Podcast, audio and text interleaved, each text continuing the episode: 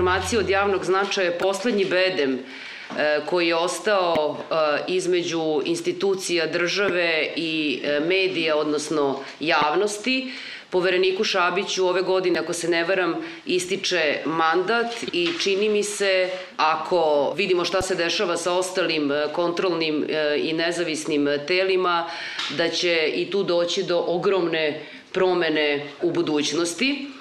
Tri puta sam menjala ono što bih želela da kažem na samom početku.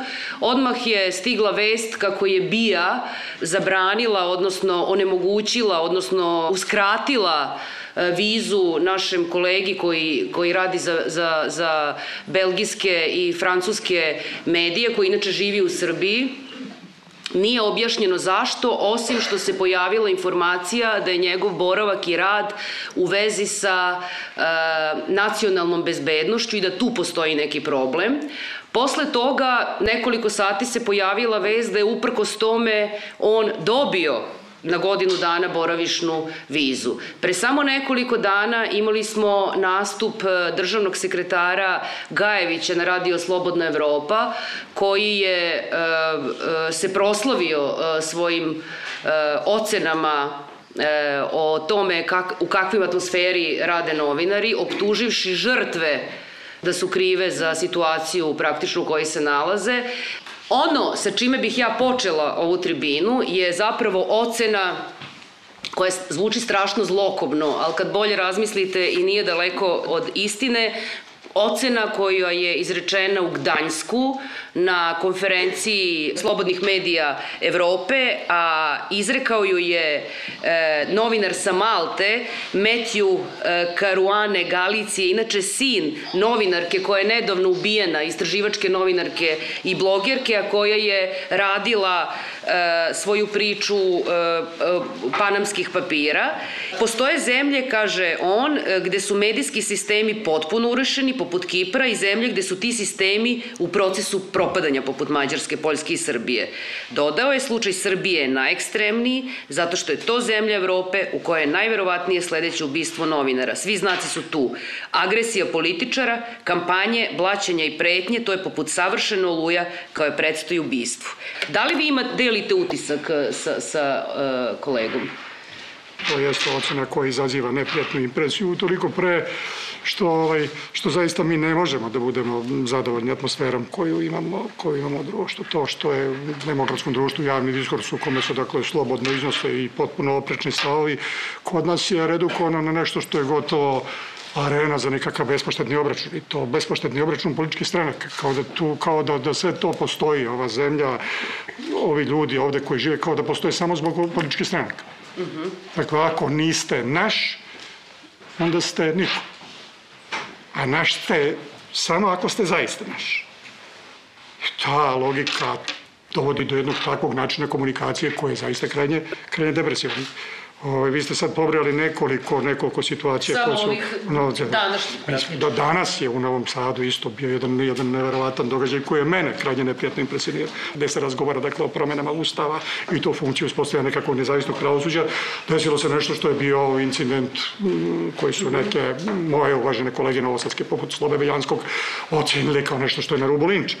Ali u svakom slučaju, dakle, atmosfera u kojoj pomoćnik ministra može predstavnicima društva sudija da kaže da profljaju da svako ko drugčije misli, dakle, diskvalifikuje, u kojoj je dan pre toga, dakle, doslovno izrečena rečenica koja je neverovatna, koja je zaista, ako se možemo vidjeti s tim, ja ne znam s čim ne možemo, dakle, u kojoj, dakle, predstavnik Ministarstva pravde kaže predstavniku društva sudija Srbije, predsednici društva sudija Srbije, koji stoji sudija apelacijnog suda, dakle, sudija vrlo visokog ranga, kaže, meni bi bilo zadovoljstvo da vama i takvim kao vi nanesem štetu. I u tom kontekstu to što vi kažete, ja se naravno nadam da do toga nijukom slučaju neće doći, ali mi jedno jednostavno ne možemo ignorisati činjenicu da se ovde komunicira na način koji je potpuno neprihvatljiv. Dakle, umesto da stvari funkcionišu u nekom makar minimalnom institucionalnom okviru, one funkcionišu samo u skladu s onim ovaj, što, što vrlo uslovno zovu politička volja čujete floskulu, znate, zakon je dobar, ali nema političke volje da se primenjuje. Politička volja je relevantna samo u sferi donošenja zakona. Vlast će doneti ili neće doneti zakon. Kad ga jednom donese, on je obavezan sa svakog, pa i za njih. Reći nema političke volje da se premije zakon, zapravo je mnogo korektno reći ima volje da se krši i ne poštuje zakon. I to se kod nas dešava svakodnevno. Meni ta izjava zvuči i, i zastrašujuće, ali u neku ruku i otrežnjujuće, bez obzira na to što mi praktično se svaki dan sa ovakvim stanjem u novinarstvu srećemo mi već nekoliko godina unazad i pratimo i živimo praktično ovo urušavanje medijskih sloboda. Mene jedino e, u stvari najviše nam u, u celoj toj stvari brine to što mi se nažalost čini da je to samo vrh ledenog brega, odnosno da je e, da je tako nešto jedna najužasnija posledica tog konstantnog urušavanja socijalnog srozavanja novinarske profesije. Dakle, vi imate ljude koji zarad svog posla moraju da trpe pretnje, moraju da trpe pritiske, što iz institucija, što preko društvenih mreža, što od botova, da im se iznose lični podaci u javnost, da im se otkazuju reklamni ugovori i tako dalje i tako dalje. Tako da mi na duži rok imaćemo mnogo veći problem što ćemo umesto čuvara javnosti, sedme sile, četvrtog stuba demokratije ili kako god zovemo, imati potpuno urušenu profesiju koja nam onda nit će omogućiti normalno informisanje, niti će omogućiti e, normalnu javnu debatu. I vi kad imate tako jednu kao što i, i poverenik rekao, vi kad nemate jednu civilizovanu demokratsku javnu debatu, onda imate vrlo otvorene pretnje koje dolaze. S jedne strane zato što su iz pozicije cijela. Tako da, da, ova izjava zapravo zvuči vrlo, vrlo zastrašujuće, ali otvara mnoga druga pitanja koja su mnogo du, dublja i dugoročnija. Teško je praviti bilo kakve paralele, ali neka atmosfera straha i nasilja i neke kriminalizacije društva koje je e, definitivno na neki način na severu Kosova dodala do ubistva Olivera e, Ivanovića, svakako i atmosfera koja vlada u celom, celom društvu, a mnogi ljudi, među kojima su i novinari, e, proglašeni su na neki način neprijateljima društva i samo je pitanje trenutka kada bi možda eventualno došlo do odluke da se iz sfere verbalnih napada krene u, i, i u neku vrstu fizičkih, fizičkih obračuna. Znači, ta izjava jeste žestoka, slažem se sa Tanjom da je to jedna veoma važna, važna upozora, upozoravajuća poruka. Nažalost, verujem da, s obzirom u kakvom društvu živimo, nije toliko ovaj, da, daleko, daleko od istine. Već je gospodin Šabić rekao o ispadu gospodina Čedomira Backovića, pomoćnika Ministarstva pravde koji je danas praktično izbacio predstavnika udruženja sudija, tužlaca i advokata i predstavnika civilnog društva sa javne rasprave o novom ustavu u Srbiji. On je čovek koji inače glavni pregovarač za poglavlje 23, a inače je svojevremeno od advokatske komore Vojvodine proglašen da je nedostojan da obavlja tu funkciju zbog raznoraznih radnji između ostalog zato što je učestvovao u kafanskoj tuč, tuči gdje je čovek u sifonom razbio glavu, pa je potom ovaj, organizovao i neku političku kampanju kojom je napravio zapravo neku vrstu igre gdje će ljudi koji glasaju za njega učestvovati u nekoj vrsti nagradne igre i tako dalje. Znači, e, to je potpuno jedna, kako bih rekao, neverovatna simbolika da je taj čovek pregovarač u najvažnijem pogledu 23 e, koji se bavi vladavinom pravo i ovaj incident je prvi incident u javnosti, inače je već bilo nekih incidenata kada je razne predstavnike međunarodnih organizacija na sličan način ovaj dočekivao među, između ostalog je ovaj imao napao je praktično predstavnik međunarodnih novinarskih i medijskih udruženja rekao šta vi ovde tražite ko ste vi ko je vas poslao i tako dalje prethodno se nešto slično desilo sa sa misijom Tajks tako da ja mislim da poruka da se takav čovjek na tom mestu nalazi kao poruka da se recimo Aleksandar Vulin nalazi na mestu ministra odbrane je neka poruka koja nam se ovaj veoma veoma jasno šalje i koja nažalost ne vodi dobro.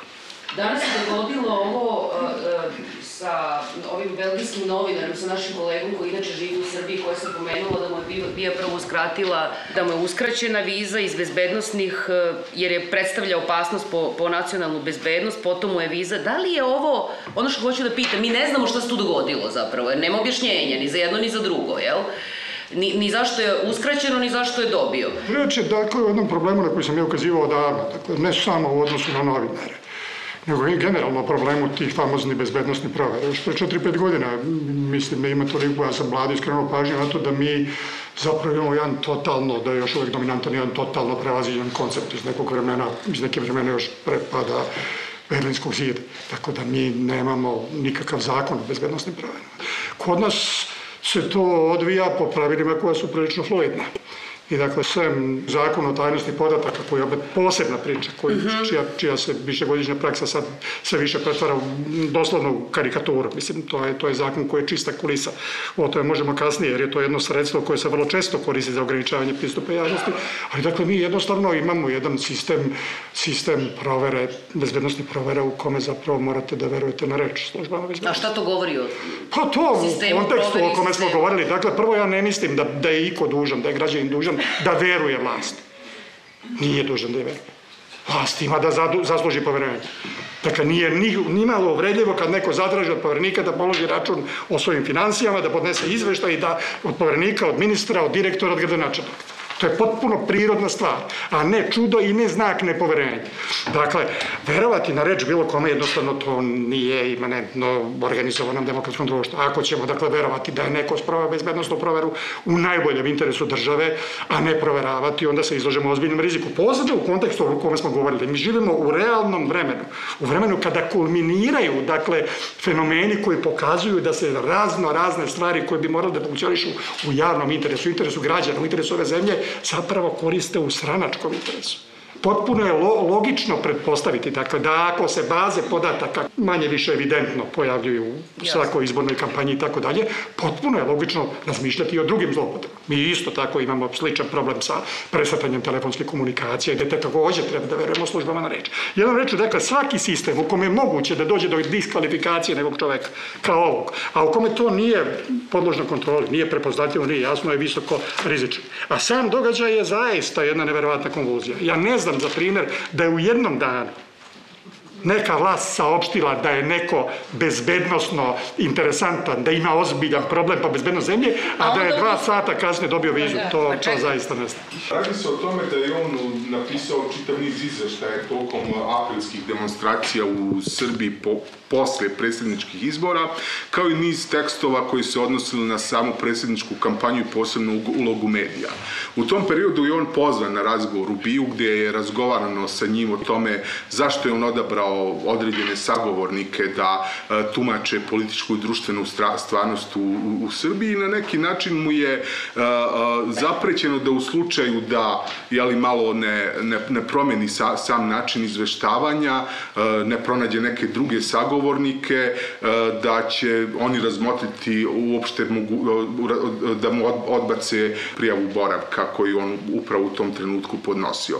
Znači, ta procedura traje duže, oni su nje, prvo odbacili, pa se on žali upravno u sudu, pa, su, pa je ponovo MUP ovaj, odbacio, bez obrazloženja, odnosno uz to obrazloženje koje je do, dostavljeno odbije da je on jeli, pretnja za javnu bezbednost. Filip se dugo vremena pla, plašio da, da izađe u javnost sa tim, jer je zaista neki privat, privatni život njemu ugrožen, pošto on živi u Beogradu, e, ima e, suprugu koja je odavde i kćerku i tako dalje i svakako bi i njegovu egzistenciju i porodični život ugrozilo to da ne dobije dozvolu, dozvolu boravka i tek je na kraju odlučio ipak uz konsultacije sa svojim kolegama iz francuskih redakcija da izađe tu javno. Zašto ovo sve pričam? Zato što je očigledna politička pozadina čitavog ovog, ovog slučaja i da su njima očigledno pokušaj da zastraše ne samo domaće novinare, nego i strane novinare postale neka vrsta, vrsta prakse. Odnosno,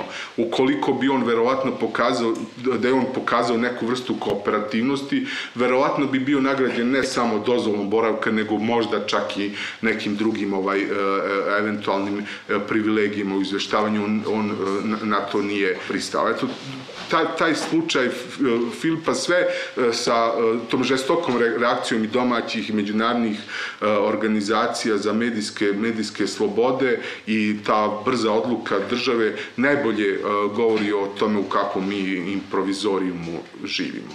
Meni ovo ovaj, liči na neki scenarij koji smo već videli nekoliko puta, a to je da, da svi oko Vučića ispod njega naprave problem, naprave frku, a onda on dolazi kao mirotvorac i neko ko, ko ovaj, gasi vatru, zaustavlja ovaj, celu stvar i složila bi se potpuno sa Nedimom, e, znači guraju, guraju do neke granice, to to više nije pristojno, ovaj, da izazovu reakciju nekih mnogo moćnijih igrača sa strane, e, tek onda se kao povlači, onda poštujemo institucije, onda poštujemo zakon, onda imamo neka pravila i ostalo. Inače, ovaj, ovo deluje kao potpuno jedna, mislim, amaterska igranka, kakva je to bija ili kakav je to MUP da. koji je ono, ne znam, jel znaju da urade bezbednostnu proveru? Ako znaju, onda je odluka takva, ako ne znaju, onda se ona menja svaka dva sata. Rodoljube, ja ne znam, verovatno ste svesni da ste vi zapravo poslednji mohikanac na sceni nezavisnih i kontrolnih tela i da li imate utisak u tom kontekstu da je ovoga puta na, na, va, na vas i na vaš mandat i na vašu ulogu da se primenjuje recept, ajde da mu pustimo da mu istekne mandat i čao. Pa dobro, nisam ja baš siguran ni da sam ja, jeli, poslednja institucija, ni... A koje je? Ajde da je to... Na, da sad ne spekulišemo. Znate, svakodnevno se, svakodnevno se u, u, u ovoj zemlji donose odluke na različitim nivoima. Donose i ljudi koji možda nisu eksponirani, kao što je to poverenik. Možda su to niži nivoji, možda su to sudije, možda su to tužioci, možda e, ne treba verovati dakle, u činjenicu da se ta sva, cela stvar radi kola na jednog čoveka. To, to, to jednostavno ne smemo da verujemo. Poverenik jeste bio snažno eksponiran, to je istina i to verovatno doprinosi tom, tom, tom osjećaju. Ali drugo, druga je stvar, ovaj, takođe ta priča o tome, ajde pustit ćemo ga da mu izrekne mandat. Stvarno mislite da me neko pustio da mi ističe mandat? Pa ja sam takođe, da li me razumete, da opustimo priču o pretnjama. Jer jedno su pretnje novinara, drugo su pretnje nekog ko je visoki državni funkcioner. To je u Srbiji, nažalost, deo folklora. Uh mhm. -huh. Ceo život od kad sam u javnom, na, na javnim funkcijama, bio sam izložen pretnjama i nikad i nisam shvatao previše ozbiljno. Kad prestanu pretnje, to može da postane ovaj, ozbiljno. Ali, ovaj, ali da se razumeo, pa ste ja, uzmite te društvene mreže, uzmite to što, te neprijatnosti koje se organizuju na gotovo iracionalan način. Dakle, da li me razumete? Imate situaciju u kojoj ja, eto, ležim popodne u vikendu, zamislite da nemam popodne i to mi se desi sredno vreme, to će posle ući u legendu u Botomsku, i moj mali terijer drema sa mnom u krilu, jer jedno on počne da reži, laje i tako dalje, izvinjam se, nije digresija, objasnit šta je, zvoni neko na vratima, otvore na vratima, trojica ljudi u policijskim. U uniformama u svakom slučaju. Ja sam ubeđen da su bile policijske, no kako god bilo, pitam momče šta je bilo, ja kažem šta je bilo, jo pa znate, kaže u vašem stanu je divlja gradnja na terasi. Rekao, legalna terasa, desna terasa, pogledajte. Ja sednem i tvitnem, pošto sam tviteraš pasionirani, i tvitnem, rekao, malo pre policijska patrola na moje vratine. Momci kulturni, pristojni. Rekao, došli zbog lažne prijeve za divlju gradnju. Jedino se pitam, rekao, da li tako revnosno šalju i tamo gde je prava divlja gradnja. Znate, ja sticam okolnosti stanujem 100 metara od mesta gde su srušili kompletan kvart u jednoj noći u Savama. Pa niko nije izašao. I sad, postoji, i ja to tweetnem, dakle, sutradan kreće priča o tome kako se ja ceo događaj izmislio. Pa posle se spostavi da nije moguće reći da sam izmislio, onda se sad kreće priča, da, Žabić je to čak predsednik Republike, onda kaže, eto i Žabić je govorio da je policija dolazila na njega vrata da ga hapse. Cijela priča je, dakle, potpuno iracionalna. To se dešava u gradu, dakle, 100 metara od mesta gde je srušena Hercegovačka i u gradu u kojem imate, ja mislim, jedno par miliona kvadrata divlje gradnje na koji niko živ ne izlazi. Izlazi se na stan povrenika. Priča se kasnije nastavlja. E, da li je ovo, ovo što radi Geodetski zavod i vodovod Surdulice? Mislim, je li to besmisao? Ma naravno, ili... da besmisao i naravno da nije spontano, da se razumemo. Ali to je sitna stvar. Dakle, moji ljudi rade na tome, to će potrošiti sate i sate rada, inače zatrpane ekipe i tako dalje. Mi ćemo i poslati te desetine hiljada stranica. Pa to! Jer znam da je u pitanju čista provokacija. Oni uporno insistiraju, za njih je zloupotreba kad je pitate kako dele pare, e, državne pare za stipendije svoje deci. Ali nije tu problem, draga moja. Problem je recimo što taj direktor isto tako podnese prijavu protiv poverenika, zato što poverenik radi u, za neke interesne grupe. Pa manje više to, ali pazi, tu vest o tome da je direktor prijavio Šabića kako radi u interesu interesnih grupe, prenese javni servis.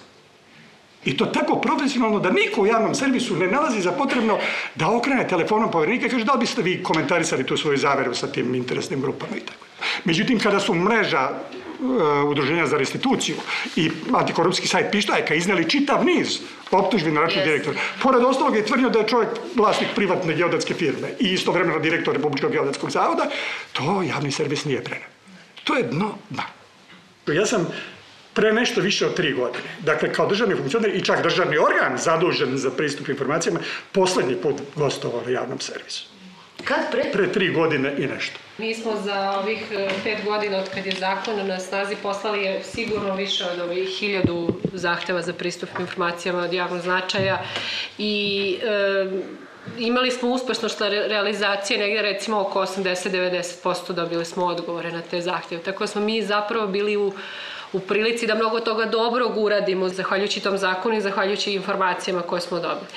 Problem nastaje u trenutku kad vi tražite nešto što je zaista ovaj, osetljivo. Na primjer? Na primjer, e, tražili smo dokument od Ministarstva pravda o istručenju Šarića, donacije i sponzorstva koje daju Telekom ili Srbija Gas, podatke o brojilima e, koje mere struju od Ministarstva energetike, tražili smo od MUPA e, kako su nabavljali recimo ove Škode sada skoro ovaj vozni park koji su e, ovaj nabavili. I recimo na takve zahteve nismo ovaj uspeli da dobijemo odgovor. 7-8 takvih zahteva ima. Znači i poverenik u, u tih nekoliko slučajeva mi smo bukvalno iscrpli sve sve mogućnosti koje nam zakon dozvoljava uključujući i upravne sporove i i tužbe protiv vlade i sve ostalo. Za tih 7 ili 8 zahteva su uh, ove firme i ove uh, institucije preko milioni i po dinara platile kazne, ali naravno nisu dale uh, podatke.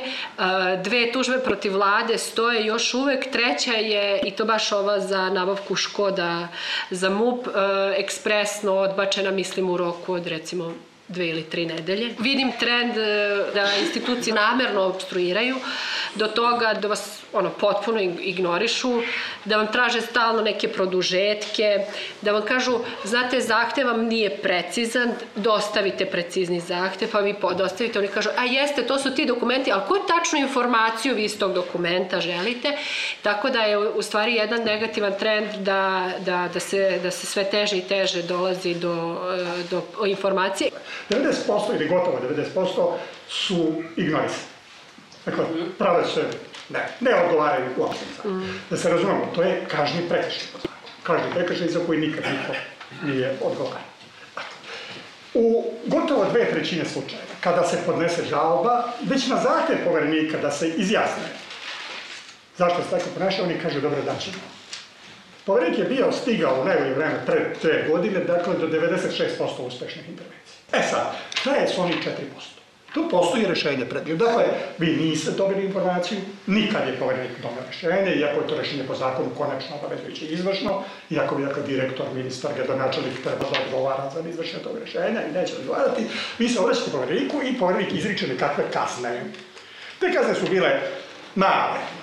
Nakon toga, ako ni to ne daje efekat, zakon je rekao, vlada je, ako to ne daje efekat, dužna da prinudom obezbedi izvršenje rešenja. To se nije dešavalo nikada. Prošle godine sam, ja mislim, 40 puta tražio od vlade da to uradi, nije uradila, nije. Umeđu vremenu, da bi vam slika bila potpuno jasnija, promenio se zakon u upravnom postupku, a to je zakon koji zapravo uređuje taj mehanizam kazni koji izreče poverenik. Neko je o nekog u dobrom maniru prepisivanja evropskih zakona, ne razmišljajući na koga se to zapravo odnosi, prepisuje jednu odredbu koja zapravo, dakle, ne samo povereniku, nego bilo kom subjektu koji primenjuje, dakle, primenjuje taj postupak prinadnog izvršenja ovaj, nenovčani potraživanja dao mogućnost da izriče ogromne kazne. Tipično evropske. Ono, 10% godišnjeg prihoda ili...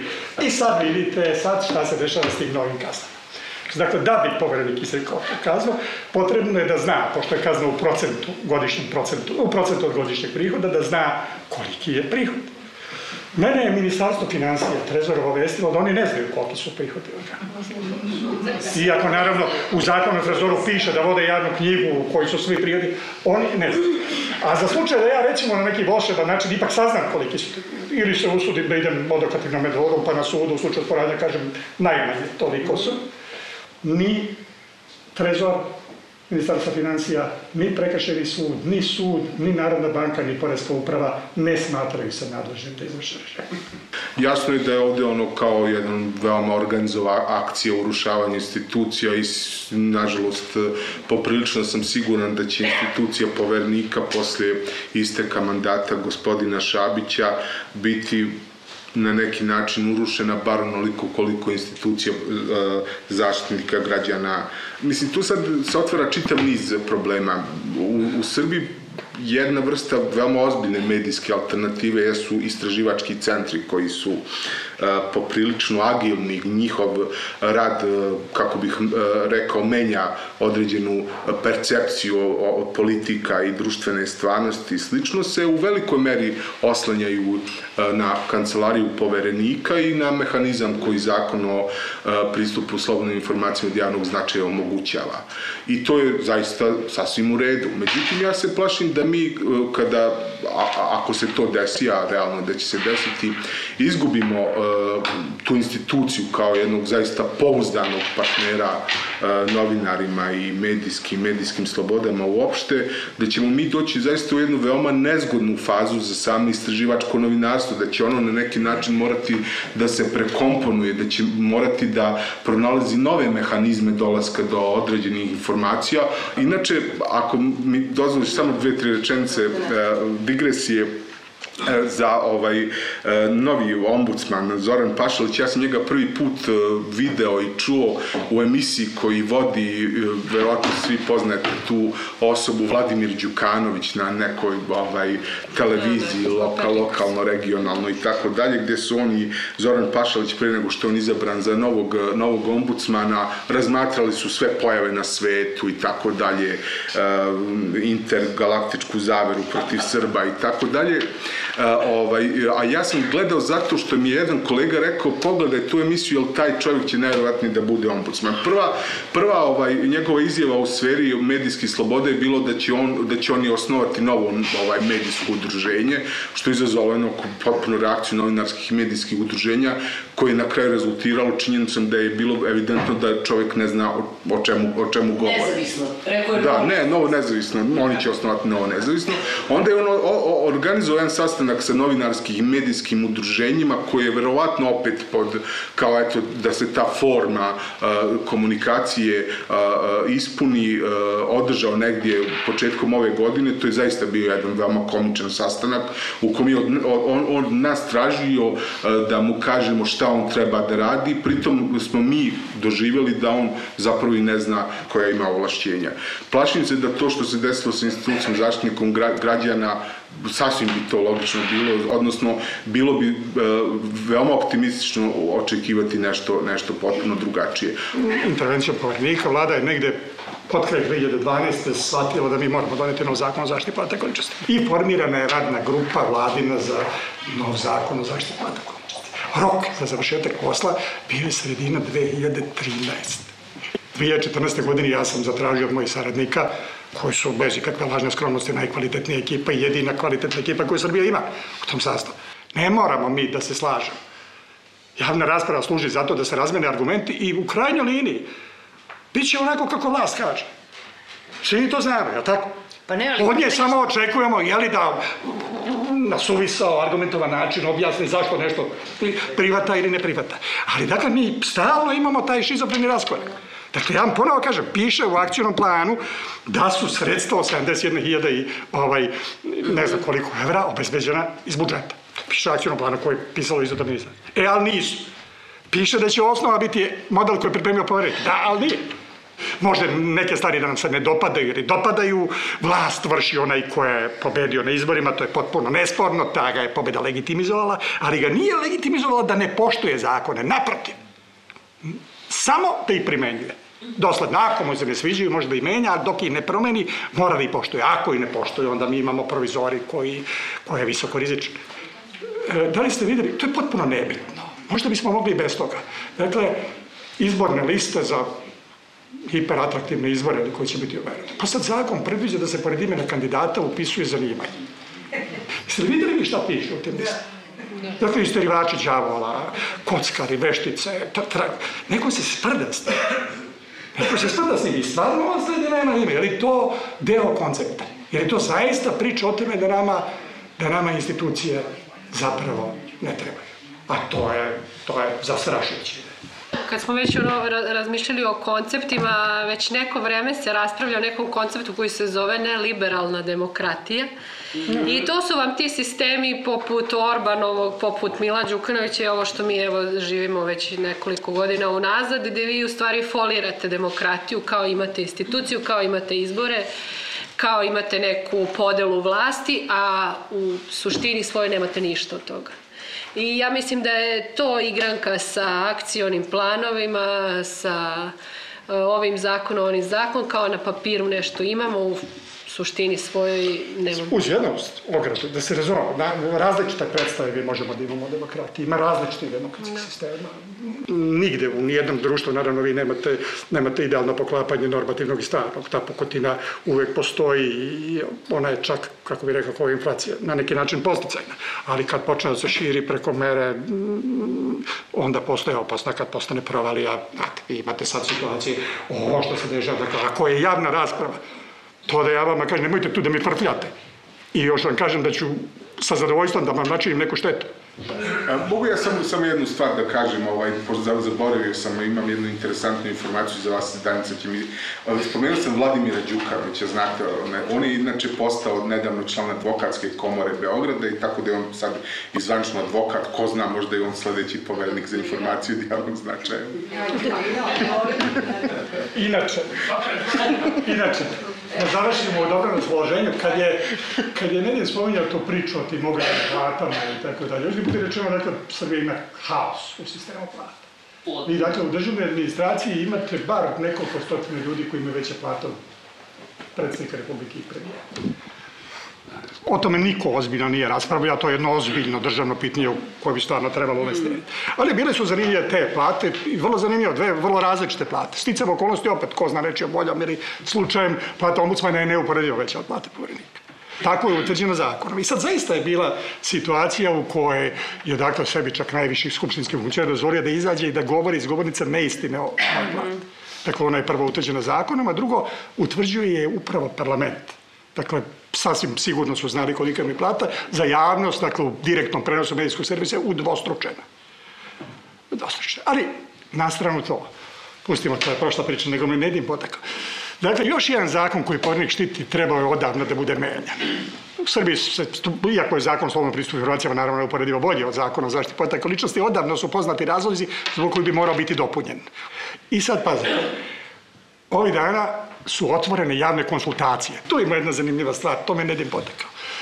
Što se tiče te ogromne plate poverenika, predlaže se povećanje.